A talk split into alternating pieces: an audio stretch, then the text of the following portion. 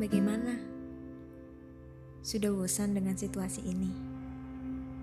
Berhari-hari mengurung diri hingga tak tahu indahnya dunia luar.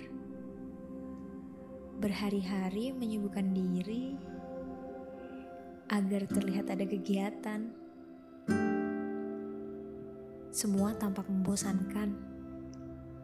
Tak bisa berjumpa dengan teman, bisa jalan-jalan. Aku tahu pekerjaanmu hanya tidur, mengerjakan tugas, bermain game, menonton drama, atau bahkan memikirkan dia. Tak apa, ini hanya sementara. Berdoa saja